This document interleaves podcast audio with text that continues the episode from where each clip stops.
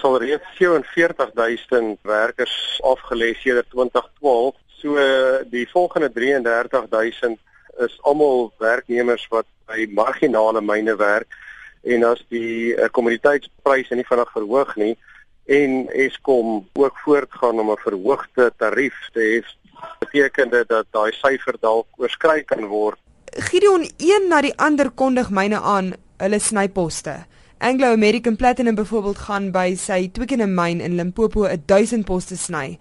Wat sal jy sê is die hoofbydraende faktore tot hierdie werksverliese?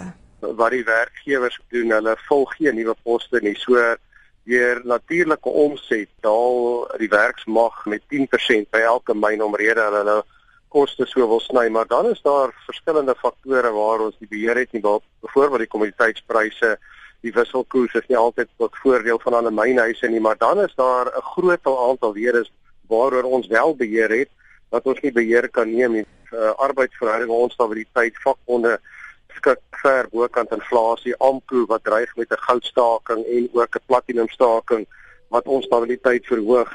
Dan is daar ook grootskaalse onsekerheid oor die uh, regulatoriese raamwerk waar die beleggers baie bekommerd is oor sekere klousules in die konsep wet wat voorsiening maak vir onteiening, voorsiening maak dat minerale regte nie direk aan 'n maatskappy toegeken word wat daarvoor aansoek doen nie kan na enige ander maatskappy toe gaan daar is ook aspekte wat betrekking het op sogenaamde strategiese minerale waar die departement van minerale bronne 'n 20% aandeel in byvoorbeeld in 'n olie en 'n gas uh, aanleg kan neem as dit 'n strategiese mineraal is. 'n McKinsey verslag wat maandag uitgereik is, Gideon het aangedui dat mynboumaatskappye nog omgekeer kan word.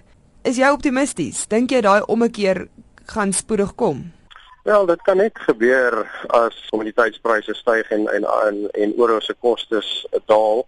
Maar daar's twee dinge wat nodig is om die mynboubedryf om te draai. Dit is 'n uh, verhoogde investering en verhoogde produktiwiteit. En as die twee nie plaasvind nie, kan dit nie omgekeer word nie, maar teoreties uiteraard as produktiwiteit verhoog en investering verhoog, dan kan dit omkeer, maar uh, tans het ek gesien by die mynbou en daar was daar maar 'n uh, groot versigtigheid en skeptisisme wat heers onder beleggers en natuurlik die groot mynhuise self. Nou Gideon, as mens kyk na die breër prentjie, die arbeidsmark is onseker. Die werkloosheidssyfer is hoog. Dink jy hierdie mynwerkers wat afgedank word, kan elders gehelp raak?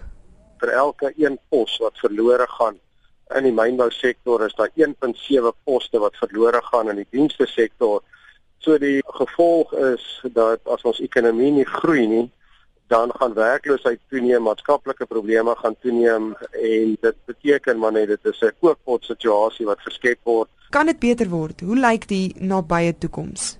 Dit lyk baie sleg en uh dit is nie net 'n Suid-Afrikaanse situasie, dit is wêreldwyd die geval.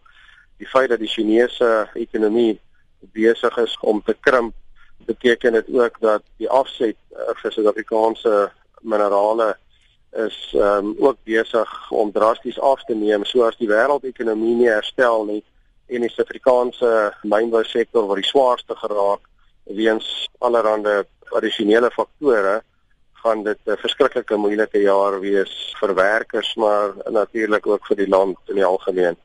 Ons het by die mynbou in Dalba gehoor dat 2016 baie slegter sal gaan as uh, eh, 2015 en dit was die woorde van Marco Tefani die uitvoerende hoof van Anglo American. So dit beteken maar net dit gaan nog slegter gaan voordat dit gaan beter gaan.